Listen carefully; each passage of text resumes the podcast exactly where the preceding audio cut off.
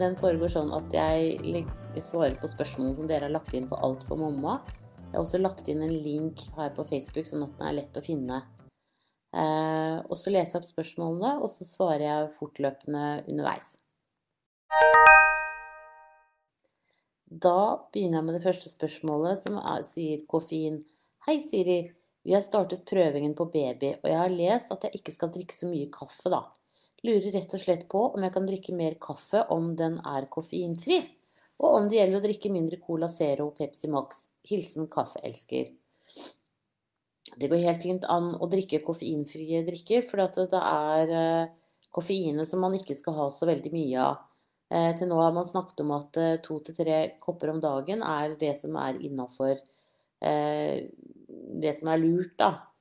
Og da gjelder det jo på en måte alle typer koffeinholdig drikke.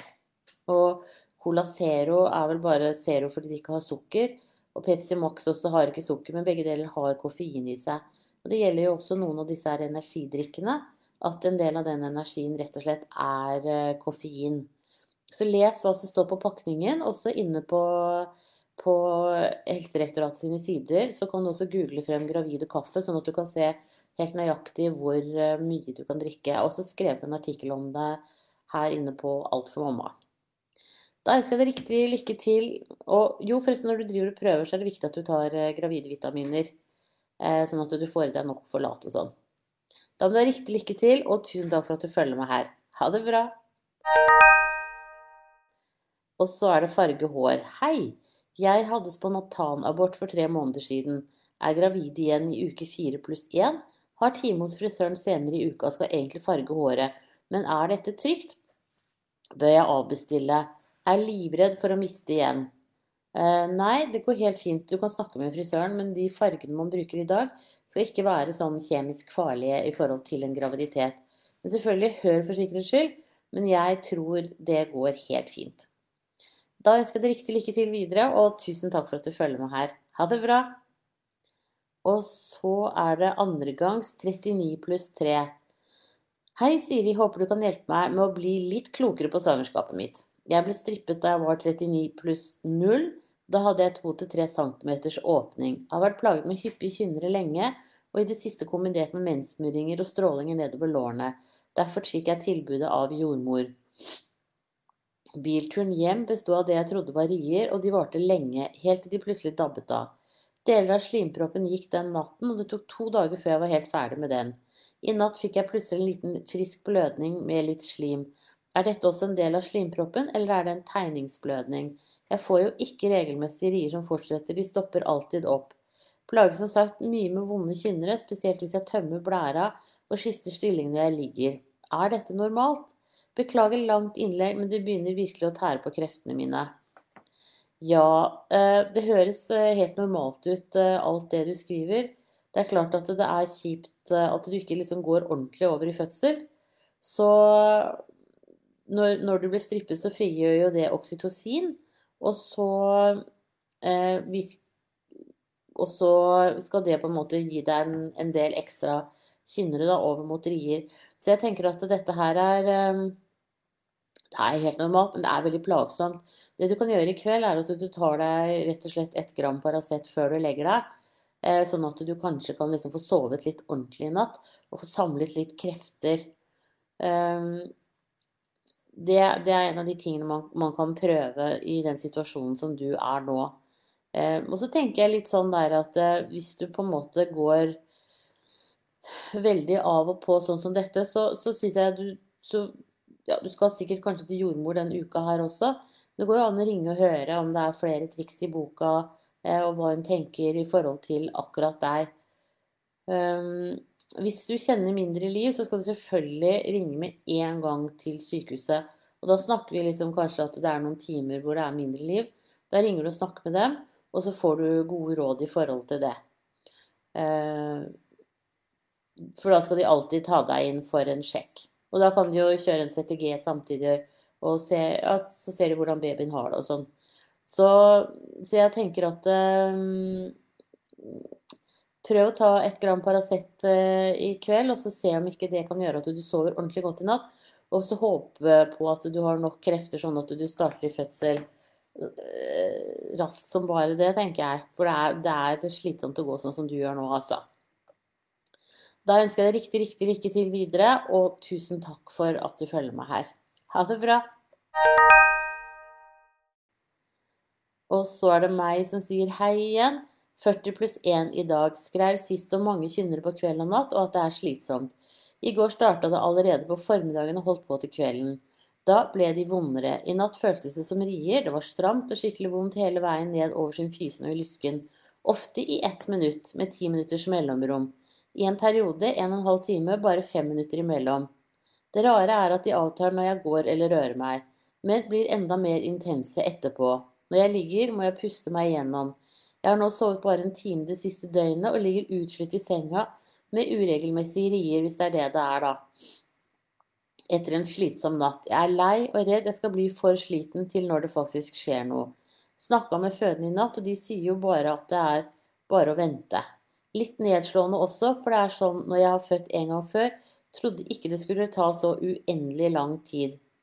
Men vet du hva, jeg syns du skal ta og ringe til dem i dag også, ja, nå i kveld, og så, og så, ta en prat med dem og så si at nå har du nesten ikke sovet noe på to døgn, og at du begynner å bli veldig sliten. Eh, og det er heller ingen kjekk situasjon å være i, altså. Så jeg syns du skal ringe til dem, og så uh, i hvert fall få lov å komme inn og få tatt en uh, registrering av hvordan babyen din har det, og, og at de kan liksom se på riene dine hvordan de jobber. Um, det tenker jeg, for at uh, selv om det har vært sånn en gang før, så tenker jeg, eller kanskje også særlig da, da, at de burde på en måte kanskje hjelpe deg litt. Ta vannet eller uh, gi deg litt sånn ekstra stimulering, sånn at du på en måte går over i fødsel.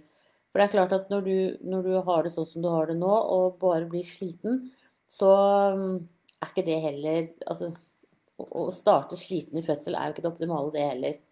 Så jeg syns du skal ringe dem nå i kveld og så høre hva de synes.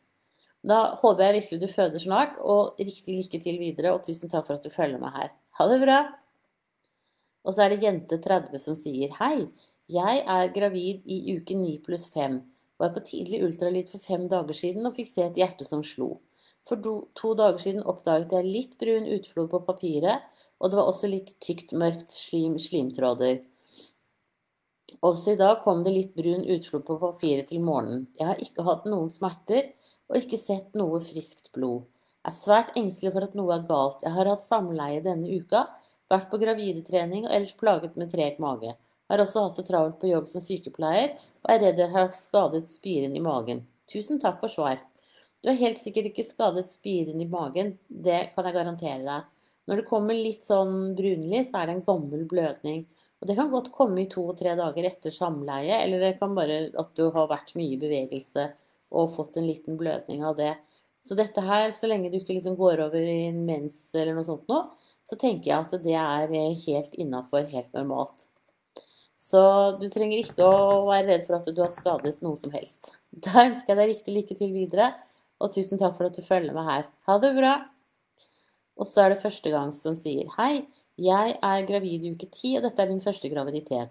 Jeg behandles med levansin pga. lavt stoffskifte. I forkant av at jeg ble gravid, kontrollerte jeg stoffskiftet mitt, og det var innenfor normalen. Det var det også ved min første kontroll etter at jeg ble gravid. Min fastlege har anbefalt at jeg kontrollerer stoffskiftet hver fjerde uke under graviditeten. Jeg har hørt at dosen Levaksin gjerne fordobles i løpet av et svangerskap. Men jeg går fortsatt på samme dose Levaksin som før jeg ble gravid er svært trøtt og plages med forstoppelse, symptomer som jo både er vanlig ved graviditet og for lavt stoffskifte. Jeg er engstelig for at stoffskiftet mitt skal stupe i mellom kontrollene, og at noe skal gå galt med utviklingen av barnet. Håper på noen beroligende ord, og tusen takk for den viktige jobben du gjør. Ja, tusen takk. Det er hyggelig å høre at du liker jobben jeg gjør. Eh, legen din gjør en veldig riktig ting ved at du sjekkes hver fjerde uke, så det er superbra. Det som er, er at de verdiene skal ligge litt godt innafor. De skal ikke liksom ligge i nedre grense. Sånn at eh, eh, Jeg vet ikke om du har begynt å lese de verdiene selv eh, og, og, er bevisst på det. Men jeg syns i hvert fall at du kan godt melde til legen din nå om at du er ekstra trett og ekstra forstoppet. Eh, og så høre om, om, du eventuelt kanskje skal ta en ny stoffskifteprøve. For det er jo ikke sånn at det, det skifter Altså, jeg, jeg, vet ikke hvordan det stoffskiftet fungerer, om det plutselig liksom dropper ned eller om det er en sånn sakte nedgang. Eh, men når du merker sånn endring, og du tenker at det har med stoffskifte å gjøre, så tenker jeg da er det lurt å ta kontakt med fastlegen din og høre. Um, og de fleste ender jo opp med å øke dosen underveis. Eh, og, så, det kan godt hende at du også trenger å gjøre det. Så ideen er liksom ideelt sett så skal man ligge godt innafor normalen. Ikke liksom ut i ytterkanten. Så sjekk de Ofte så er det jo på de prøvesvarene en sånn normal verdi også. Så da kan du se selv. Men det er jo uansett legen som avgjør doseringen. Så ta kontakt med fastlegen din i morgen, du. Og så send en SMS, eller eh, Det er ikke noe å vente noe veldig lenge på uh, å få svar i forhold til det. Uh, så hvis ikke du får time i morgen eller i overmorgen, så, så bør jo legen kunne se på de prøvesvarene du har tatt, og så eventuelt bare ta nye. Det bør ikke være så mye hokus pokus, tenker jeg.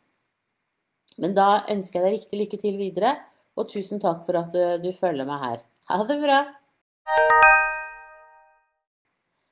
Og så er det uke 29 som sier Så da var jeg endelig kommet til siste trimester. Jeg begynner å få vondt i bekkenet og korsryggen. Jeg har et yogaprogram jeg får gjort så å si hver morgen, men jeg lurer på om det er noen andre forebyggende øvelser jeg kan gjøre. Jeg har også en del stikking i underlivet og nedre del av rygg og hofter. Er det normalt? Og i så fall, hva er det? Så har jeg begynt å bli litt kvalm igjen. Var kvalm i fire måneder i starten og får sure oppstøt noe jeg ikke har vært plaget av tidligere. Med førstemann som nå er fire år, hadde jeg ingen av de ovennevnte plagene. Babyen i magen har SUA, to blodpar i navlestrengen i stedet for tre, så jeg skal på vekstkontroll i uke 32. Jeg lurer på hva som skjer på denne kontrollen, hva ser de etter? Og om de finner avvik, hva gjøres? Hva avgjør om de setter i gang fødselen eller ikke? Ja, for det første, plagene dine de er dessverre helt normale. Jeg må bare beklage å si det. Eh, og det at du gjør yogaprogram hver dag, det tenker jeg er superbra. Det du alternativt kan gjøre også, også, eller i tillegg kan gjøre, mener jeg, det er å gå til fysioterapeut eller eh, manuellterapeut som har avtale, og få noen behandlinger der sånn for å kanskje få muskulaturen din til å slappe av litt ekstra. Stikningen i underlivet er ofte det at eh, hodet begynner å bevege seg nedover i bekkenet etter hvert. Og da skumper det på en måte borti nervene. Pluss at det, det, at du kjenner at du er sånn lealaus i, i hoftene og korsryggen, bekkenet, liksom, det, det, er fordi at, altså det at du begynner å få vondt, da, det er fordi at du begynner å bli litt mer lealaus. Og det er som oftest en normal bekkenløsning som skjer mot slutten av graviditeten, men eh, kan komme litt tidligere hos noen. Og da får du også mer stikninger og, sånn, og smerter pga. det. Så jeg tenker at eh, gå til fysio- og manuellterapeut og se om du kan få noe hjelp. Og så Mange syns også at eh, osteopater kan hjelpe. Eh, noen ganger så kommer bekkenet litt sånn skjevt, og da kan det være greit også å få satt det i litt bedre stilling. Det at du er kvalm, det tenker jeg det er også et tegn på at du på en måte mm, kanskje er sliten. Man kan bli litt mer kvalm når man er sliten, og så blir man sliten fordi man er kvalm. Sånn at hvis du er i full jobb, så tenker jeg at eh, det kan hende at du skulle redusert ned til 80 eller 60 eh, Så det tenker jeg at jeg skulle snakke med fastlegen eller jordmoren din om. Det er jo fastlegen som alternativt sykemelder. Uh, og det at babyen har SUA, som regel så går det Og takk for at du skrev to blodkar i navlestrengen, for det husket jeg jo ikke sist. Nå har jeg lest det, så nå vet jeg det. Men det, det, man er bekymret for, er jo næringsforholdene til babyen. At den legger på seg som den skal. Og hvis ikke babyen legger på seg som den skal, så vil man jo sette i gang fødselen. Men ikke på langt nær enda. Og første trinn der vil også være å sykemelde deg 100% Sånn at du på en måte bruker all energi på å ruge barnet, og eh, ikke på andre ting sånn som jobb og sånn, da. Så jeg tenker at Ehm, den vekstkontrollen i uke 32, det er jo da om tre uker. Det er en fin ting. Og så vil de helt sikkert følge deg opp videre med én eller to ultralyder til. Og skulle det være sånn at babyen ikke har det bra, så setter man inn tiltak i forhold til det. Eh, du kan jo kjenne etter hva, og, og se på ikke sant, Følger SF-målene sin egen kurve? Eh, kjenner du er dette barnet større eller mindre enn det forrige? Altså, man kan liksom, du kan få et bilde av også hvordan det er med denne babyen, da, litt selv. Um, men jeg tenker at det, det høres ut som du blir fulgt veldig godt opp, altså. Så da er det egentlig hvordan babyen har det, er liksom det som er alfa og omega, om den legger på seg som den skal eller ikke, som avgjør om de setter i gang fødselen stort sett. Da ønsker jeg deg riktig lykke til videre, og tusen takk for at du følger meg her. Ha det bra. Og så 1, 2, 3. Hei! Er det farlig når naboen røyker ute? Vi får det ikke inn i huset da. Man må vel lukte det ute også hvis det skal ha noe å si? Ja, helt, det må man. Eh, det er ikke farlig om naboen din røyker ute. Det går helt fint. Ingenting å bekymre seg for. Tusen takk for at du følger meg her, og riktig lykke til videre. Ha det bra! Og så er det Arnika som sier Kan jeg bruke Arnika gel på korsryggen og hofte pga. muskelsmerter? Gravid i uke 29. Ja, det kan du. Arnika fungerer eh, veldig bra i forhold til muskelsmerter, så det kan du definitivt bruke. Eh, det øker blodsirkulasjonen, samtidig som det virker litt sånn lett eh, betennelseshemmende, mener jeg. Hvis du vil vite mer om arnika, så kan du enten gå inn på nettsiden der du har til den produsenten som du har kjøpt det fra, eller du kan også gå inn på rolv.no, som har mye informasjon om planter og sånn. Da ønsker jeg deg riktig lykke til videre, og tusen takk for at du følger meg her. Ha det bra! Og så er det KJ. Hei! Vi prøver å bli gravide, og jeg tror jeg har eggløsning nå. Det betyr at jeg kanskje kan bli gravid nå. Jeg er invitert på bading i jacuzzi på fredag, men er usikker på om jeg kan dra. Har hørt at man ikke skal bade i jacuzzi, spesielt i starten av et svangerskap. Vil det være farlig å bade når jeg kanskje kan ha blitt gravid en uke før? Nei, det er ikke farlig. Eh, det man er redd for i jacuzzi og varme boblebad og badstue og sånn, det er at du skal få blodtrykksfall.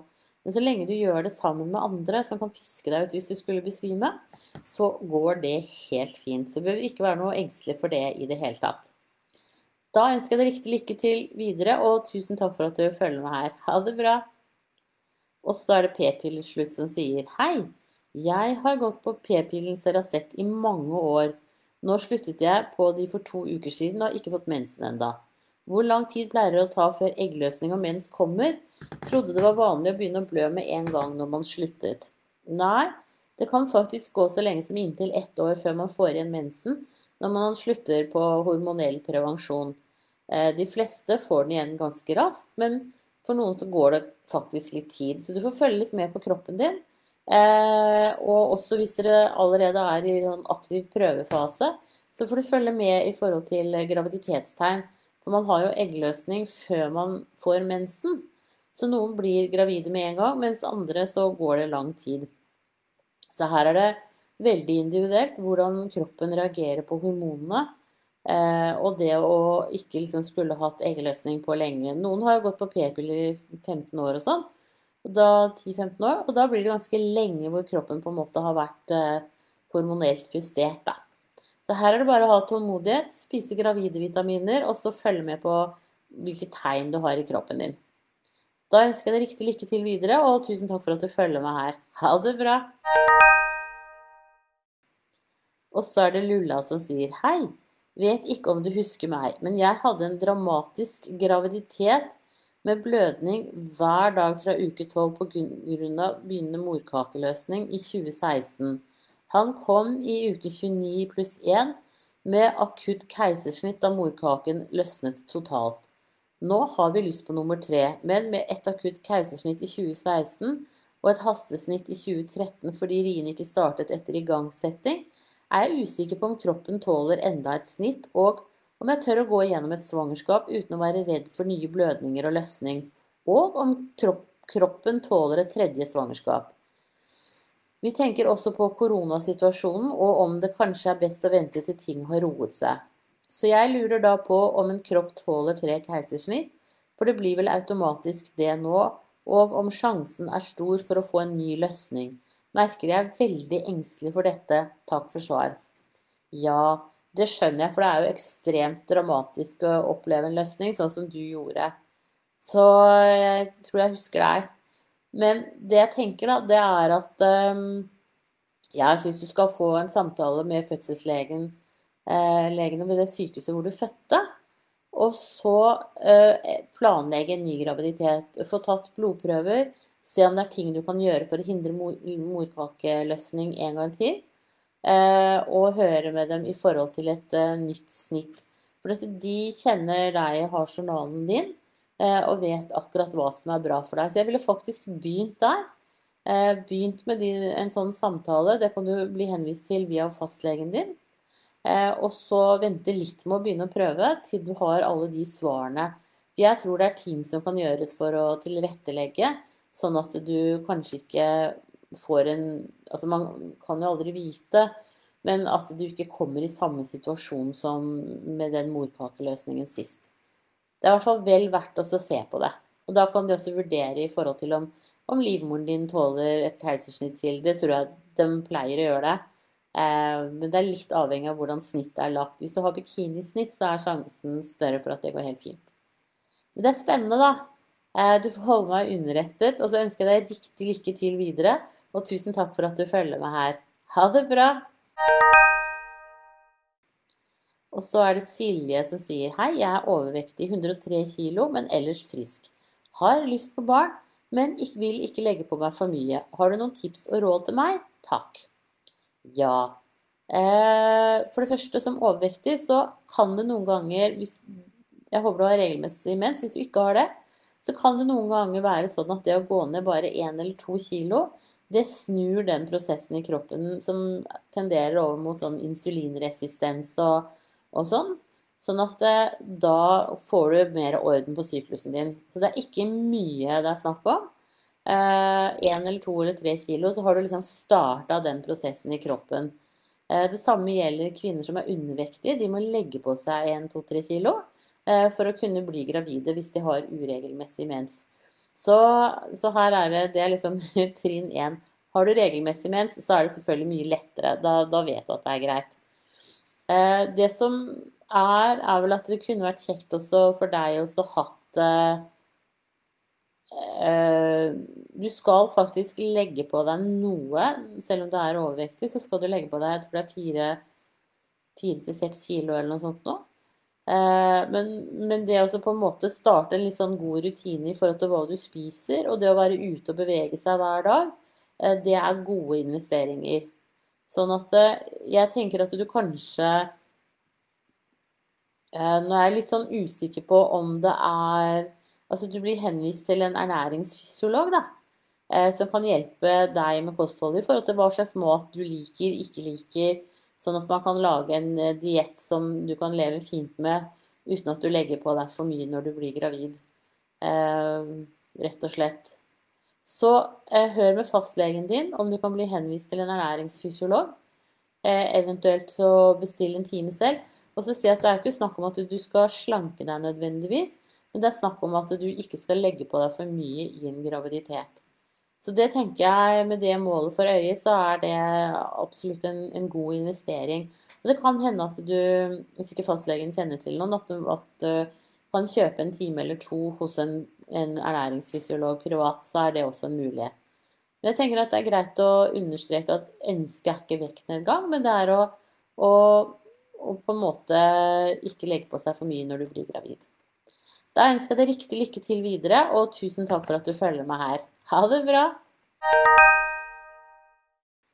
Og så er det Amine som sier Hei, jeg er gravid i uke 9, 8 pluss 0 i dag. Jeg har symptomer på graviditet, er veldig trøtt og sover mye. Sulten, har ømme bryster og litt utflod.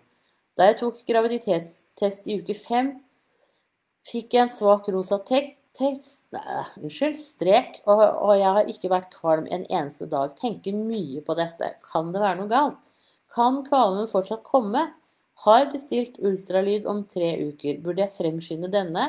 Eventuelt kan jeg fremskynde denne og få like mye informasjon med tanke på fosterets utvikling.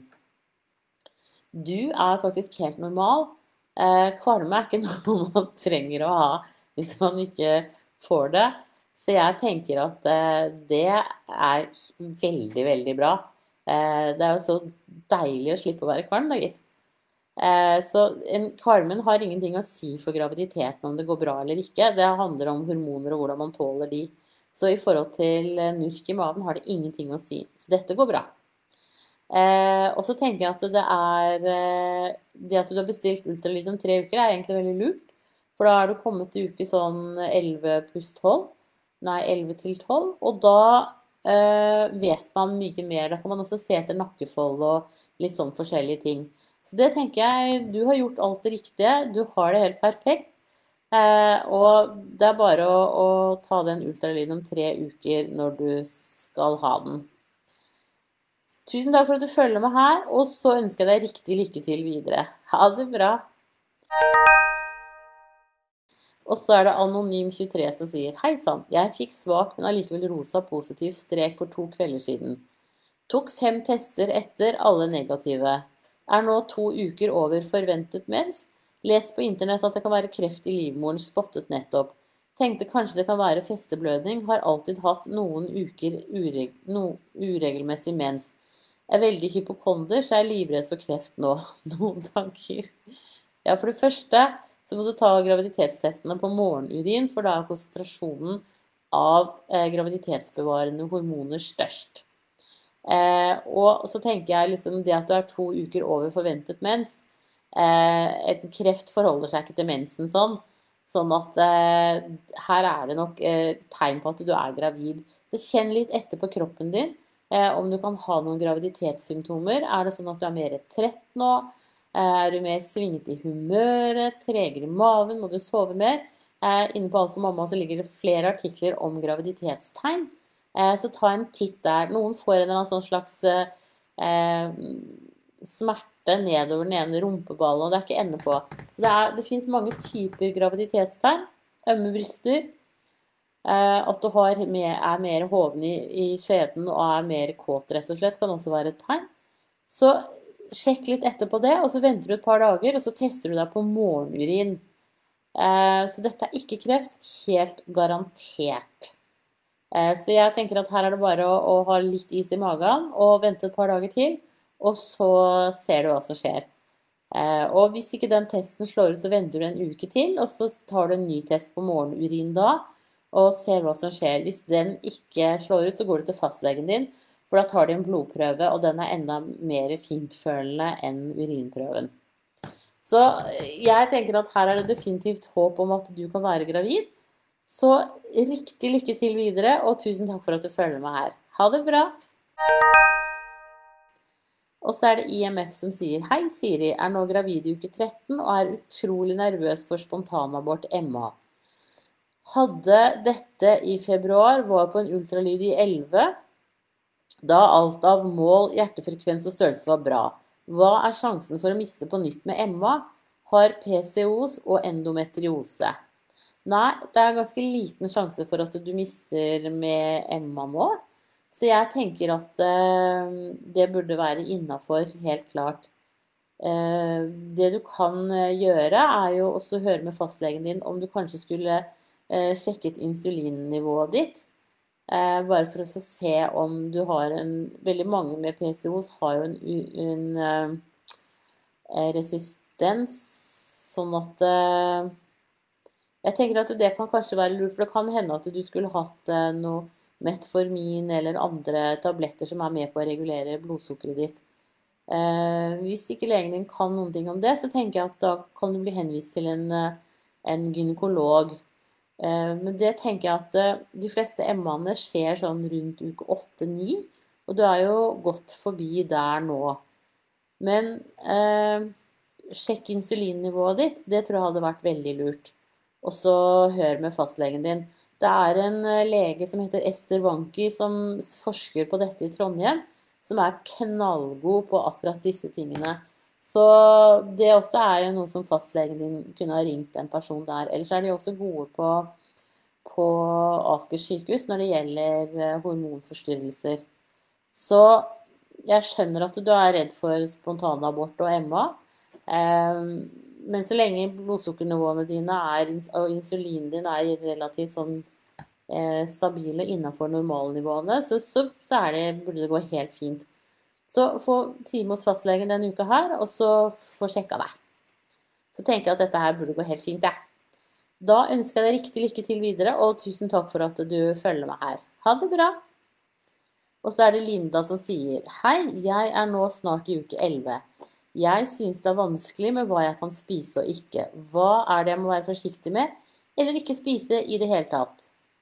Ja, det kan du si. Det står inne på Helsedirektoratet sine sider. Det du ikke kan spise i det hele tatt, er upasteuriserte oster. Eh, sånn rakfisk når den sesongen kommer, hvis du er glad i det, så er eh, det lurt å holde seg litt unna det. For den kan få en sånn eh, botulismebakterie i seg som ikke er så veldig bra. Og så når det gjelder drikke, så kan du jo drikke det meste, men ikke mer enn tre kopper kaffe i løpet av dagen, eller sånn kaffelignende drikker. Uh, utover det så er det vel ja, rått kjøtt pga. toksoplasmose. Jeg tror jeg har, jeg har, en liste på dette her inne på Alt for mamma. Eh, jeg skal se om jeg finner linken til den det er når jeg legger inn svarene her etterpå. Men det er, egentlig så kan man spise nesten det meste, altså. Ja. jeg skal finne den linken, jeg. Men da ønsker jeg deg riktig Også, også sånn spekeskinke og sånn, det skal man ikke spise rå. Men eh, Mattilsynet sier jo at eh, spekeskinke og salami er på en måte den prosessen som de går igjennom for å bli sånn, eh, er såpass sterk at den dreper de fleste bakteriene. Men hvis du har veldig lyst på det og vil være helt sikker, så går det an å steke det i stekepanna. Eh, sånn at det er varmet opp i over 70 eh, grader. I noen to eller tre minutter tenker jeg skal til, så er det jeg tror det er tre minutter, så er det bra. Jeg skal finne den linken og så skal jeg sette den inn her. Men da ønsker jeg deg riktig lykke til videre, og tusen takk for at du følger meg her. Ha det bra! Og så er det kvinne34 som sier Jeg er 34 år og har to barn som er født til termin, og er friske og vokser som normalt. Veldig takknemlig for dem. Nå prøver vi på nummer tre, og jeg er litt engstelig for hvordan det vil gå i et eventuelt nytt svangerskap, da jeg har slitt mye med flashbacks fra fødselen og tiden etter da det var ganske heftig på slutten av fødselen og jeg mistet kontrollen. Samtidig var barnet preget av høy fosterlyd og ble kjørt inn på nyfødt intensiv noen minutter etter fødselen. Han lå på nyfødt intensiv en uke med CPAP, oksygen og antibiotikabehandling. Jordmoren jeg hadde, jeg hadde samtale med etter fødselen, avfeide det med at det var en helt normal fødsel. Min opplevelse var en helt annen, og jeg har ikke fått bearbeidet den skikkelig i etterkant. Går nå til psykolog, er veldig redd for at jeg skal få en lik opplevelse denne gangen om jeg er så heldig å bli gravid. Har du noen tips for meg og oss videre? På forhånd takk. Ja, jeg tenker at eh, Nå har jo de fleste store sykehusene også sånne team for eh, kvinner med fødselsangst, dårlige fødselsopplevelser. Så jeg syns at du skal snakke med dem om hvor du kan få gått igjennom fødselen din, enten med en lege eller en jordmor som jobber i det teamet, ikke nødvendigvis som, som da er en annen enn den du hadde med på fødselen. Bare for å liksom gå gjennom trinnvis hva skjedde under fødselen, og hvorfor skjedde det kanskje, og sånn. Eh, hvor de kan prøve også å gi deg noen svar. Eh, og så er det superbra at du går til eh, psykolog. Og så er det veldig liten sjanse for at dette skal skje en gang til. Og jeg tenker nå, når du sier at babyen hadde høy fosterlyd og sånn, så så kan det jo det være fordi den faktisk hadde en infeksjon på gang. Eh, og det tenker jeg det er sånne prøver man kan ta underveis. Eh, og sjekke deg også for eh, infeksjon eh, når du kommer i fødsel. Og følge med på temperaturen din og sånne ting som det. Så det tenker jeg at det, det, behøver man Det behøver ikke å gjenta seg. Det går også an å ta prøver fra skjeden din opp mot termin. Bare for å se at du ikke har noe over skudd av noen bakterier som kan være farlige. Eh, og urinen blir jo sendt nå til dyrkning hos alle gravide for å være sikre på at det ikke er GBS. Eh, og hvis du har GBS i urinen, så får man da en antibiotikakur eh, tidlig i fødsel eller i løpet av de siste ukene før termin. Som kanskje er det som hadde vært aktuelt med deg alternativt, da. Så jeg tenker at den neste fødselen din og neste graviditeten der går det an å gjøre mye, sånn at du slipper å oppleve dette en gang til. Man skal selvfølgelig aldri si aldri, og det kan skje andre ting, men, men jeg tenker at i forhold til det som skjedde nå sist, så, så går det an å tilrettelegge i ganske stor grad, altså. Så Så jeg tenker at eh, fortsett hos psykolog, og gjør det også gjennom graviditeten. Eh, for det kan være veldig ålreit. Og så prøv å få time på sykehuset, sånn at du også kan gå gjennom det som skjedde, skjedde sist med en lege. Noen ganger så går det jo også an å, å få tak i en barnelege å snakke med, hvis, hvis det er noe som kan hjelpe deg. Og jeg tenker liksom sånn folk som opplever sånn som du har gjort, at det var traumatisk og, og sånn, så tenker jeg at det er så viktig å, eh, å få bearbeidet det. Og ikke la det liksom stoppe deg i forhold til å få et barn til. For det er jo superhyggelig med barn. Så prøv disse tingene her. Eh, fastlegen din kan henvise deg til en samtale på sykehuset. Da ønsker jeg deg riktig lykke til videre, og tusen takk for at du følger meg her. Ha det riktig bra. Og så er det Toe som sier Jeg har hatt to høye blodtrykkmålinger, og den siste målte 140 på 85. Jordmor sendte meg til sykehuset for videre oppfølging, var der nå for tre dager siden og hadde enda litt høyere trykk. Så jeg fikk en ny time nå på mandag som de skulle følge opp videre. Vil de da ta en ny CTG, blodtrykk og blodprøve samt urinprøve? Jeg hadde proteiner i urinen den dagen jeg hadde høyt blodtrykk. Ja, det regner jeg med at de vil gjøre. Så ta med deg en urinprøve i morgen tidlig da.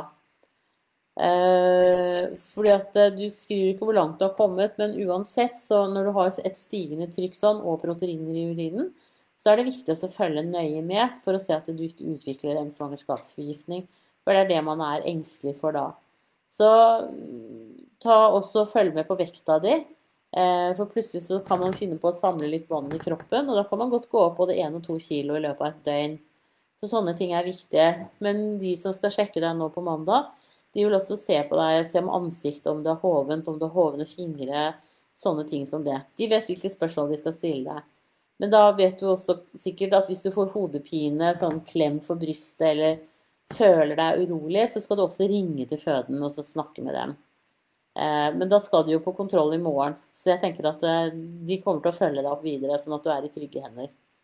Da ønsker jeg deg riktig lykke til videre, og tusen takk for at du følger meg her. Ha det bra! Og så er det gravid 30 som sier hei. I hvilke uker er det normalt å ha time hos lege jordmor? Ønsker ikke å gå til jordmor, men heller fastlegen min, som jeg har gått til siden eh, Her er det en autokorrektur, men siden du var ungdom selv, tenker jeg at det står. Er i uke 15, men graviditetsuke 16. Jeg opplever at magen sprenger og gjør vondt, og det føles som det ikke er plass. Er mitt andre svangerskap. Føles som at alt blir skjøvet opp og har fått mage allerede. Er det normalt? Eh, da tenker jeg at når du kommer til fastlegen din nå Nå skal du jo snart på en sånn eh, rutineultralyd, men det kunne vært kjekt å ha kanskje en time hos fastlegen først. Og så kunne fastlegen målt SF-målene dine og så sett om de ligger Nei, det er for tidlig, det. Unnskyld, det var helt feil, det jeg sier. Um, hvis du føler deg veldig mye større enn forrige gang, så tenker jo jeg tvillinger. Men um, kan du ikke snakke litt med fastlegen din om det, da?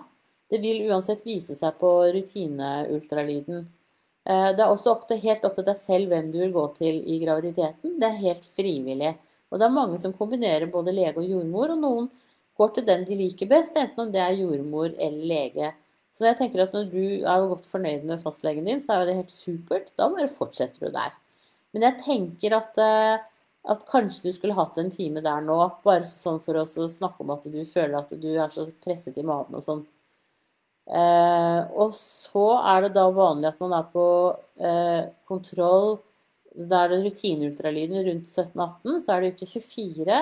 28, 32 og 36 og 38 og 40, som er eh, de vanlige ukene å være på kontroller når alt er normalt, da. Så eh, Men jeg, jeg tenker at hvis du hvis du føler at det er så trangt nå, så syns jeg faktisk at du skal få en sjekk nå allerede. Eh, ligger det innafor normalen, og livmoren står ofte høyere enn når man har vært gravid tidligere. Eh, så jeg tenker ikke at det nødvendigvis er noe galt, men jeg tenker at eh, om det kanskje muligens kunne være to der inne, da. Men det vil jo vise seg. Da ønsker jeg deg riktig lykke til videre, og tusen takk for at du følger meg her. Ha det bra! Og så er det gravid 30. PS. Kan jeg spise leverpostei? Den gule med bilde av barn oppå, eller er det en viss type vi må spise? Du kan spise leverpostei. Det går helt fint. Da ønsker jeg deg riktig lykke til videre, og tusen takk for at du følger meg her. Ha det bra! Og så er det blødning. Er fem uker gravid og begynte å blø i går. Ikke like mye som vanlig mens, men mye blod og koagulert blod. Er det noe håp om at dette kan gå bra? Har legetime på tirsdag. Det eh, må jeg dessverre si at det høres ikke helt eh, bra ut. Så jeg tenker at det er bra at du har en legetime på tirsdag. Hvis du skulle begynne å blø mer enn en mens, så syns jeg du da skulle ta kontakt med sykehuset eh, eller legevakta. Men ellers så holder det å vente til tirsdag. Noen ganger så kan man ha vært gravid med flerlinger, og at det er en som på en måte forsvinner ut. Eh, mm, så jeg tenker at en ultralyd er nok på en måte det du bør på da. Eh, men det, det kan legen rekvirere for deg, så det behøver du ikke å, å betale for selv. Men jeg tenker det, det, er greit at du har legetime på tirsdag. Du får krysse fingrene, men jeg tenker nok at det kanskje ser litt mørkt ut, dessverre. Da ønsker jeg deg riktig lykke til videre, og tusen takk for at du følger meg her. Ha det bra! Og så er det fremfall. Hva er behandlingen for livmorfremfall? Jeg er 31 år og har født to barn og har nå fått fremfall. Les litt opp, om operasjon, men skjønner det ikke helt. Er det noen risiko for å bli steril? Eh, det tror jeg ikke det er, men jeg vil anbefale deg å prøve akupunktur aller, aller først, før du gjør noe annet. Og det er fordi at eh, jeg eh, hadde det selv, og det funka så veldig bra. Så prøv det aller, aller først. Og så tenker jeg at veien videre er å bli henvist til en gynekolog som har god greie på det. Og jeg, altså når du har livmorfremfall, så handler det om at de eh, ligamentene og det som holder livmoren på plass, de har liksom blitt litt slappe. Så livmoren blir liggende litt langt nede. Så det handler liksom om å stramme opp dem. Det handler ikke om livmoren så mye i seg selv. Men et livmorfremfall kan jo også gjøre det vanskeligere å bli gravid. Eh, sånn at eh, hvis du skulle ønske å få flere barn, da. Så prøv aller, aller først akupunktur. Og så be fastlegen din om å henvise deg til gynekolog, eller bestill time hos gynekolog eh, hvis du har en du pleier å gå til. Det tror jeg er det beste jeg kan råde deg til. Da ønsker jeg deg riktig lykke til videre, og tusen takk for at du følger meg her. Ha det bra! Jeg må jo bare si hvorfor akupunktur virker. Det er fordi at de strammer opp sener og muskler. Eh, og det er liksom det som er med på å holde livmoren på plass. Det er derfor det kan virke her i ditt tilfelle. Men da ønsker jeg deg riktig lykke til videre, og kom gjerne tilbake og fortell om det funka eller ikke. For vi er jo forskjellige. Så det som funker på noen, behøver ikke å funke på andre. Ok, tusen takk. Ha det. Og så er det Toe er for resten i uke 37 pluss 6. Ja, ja. Det var du med høye blodtrykk. Jepp. Ja, ikke sant? Og da er det jo snakk om å rett og slett sette i gang fødselen din hvis du fortsetter å stige trykk, heller enn at du eh, får utvikle en full svangerskapsforgiftning. Så ha med deg fødebagen i bilen i hvert fall. Det kan være lurt. Bør nødvendigvis å ha den med opp på avdelingen når du skal bli undersøkt, men ha den klar i bilen. Det kan jo være ålreit. Da ønsker jeg deg riktig lykke til videre, og tusen takk for at du følger meg her. Ha det bra! Og så er det blødning. Fortsettelse på fem uker gravid og blør. Mistet i uke 9 for ett år siden, og nå kanskje miste i uke 5. Er 40 år. Er det noe jeg bør sjekke i forhold til dette? Vi vil gjerne prøve igjen. Ja eh, Da syns jeg at eh, fastlegen din eh, antagelig så er dette to forskjellige typer aborter hvis du mister igjen nå. De som skjer rundt liksom mensen uke fire-fem og sånn, det er ofte for at det er en genetisk dårlig kobling. Eh, rundt uke ni så kan det ha med andre ting å gjøre. Da kan det også være at man har en koagulasjonsforstyrrelse i blodet som Leiden-mutasjon og sånn. Så jeg tenker at eh, kanskje legen skal ta noen blodprøver av deg når du først er der, og så se hvordan det ligger an med koagulasjonsfaktoren i blodet ditt. Eh, og også, ja, for den er upåvirket av en graviditet sånn sett. Eh, men ellers så er det ingen grunn til at ikke det burde gå bra å, å prøve igjen hvis du mister noe, altså. Så eh, dette er bare sånt som skjer. Og det, det burde gå fint å kunne lage et barn allikevel. Så jeg tenker at eh, første steg er i hvert fall koagulasjonsfaktoren. Da ønsker jeg deg riktig lykke til videre, og tusen takk for at du følger med her. Ha det bra! Og så er det Trønder-Pia som sier Hei! Jeg brukte tre år på å bli gravid med min sønn ved hjelp av IVF. I februar i år ble jeg gravid uten hjelp. Dessverre endte det i en MA i uke ni. Nå skulle jeg i gang med IVF igjen, men har altså klart å bli gravid selv nå også. Hva er oddsen for å oppleve ny MA? Er 5 pluss 0 i dag? Har bedt om tidlig ultralyd til legen, men han vil vente med henvisning til jeg har første time hos han om tre uker. Dette syns jeg blir veldig lenge å vente. Hva kan jeg gjøre for å få det fremskyndet? Eh, jeg tenker at hvis du øh,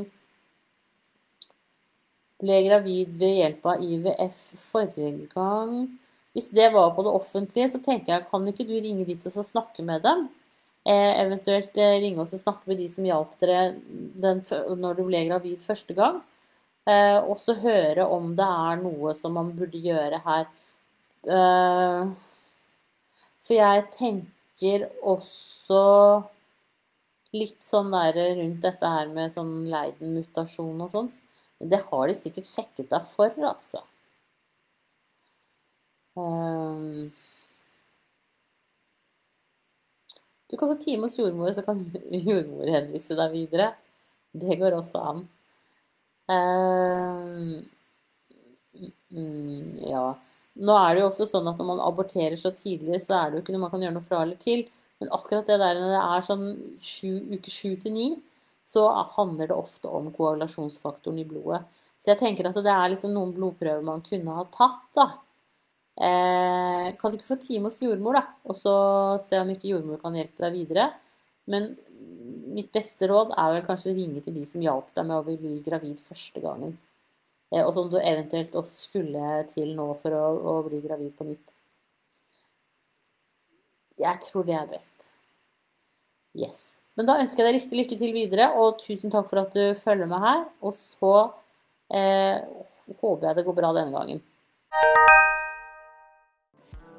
Da var det kveldens siste spørsmål. Nettpratene er åpne i ti minutter til, så hvis det kommer inn flere nå, så svarer jeg på dem eh, skriftlig, rett og slett.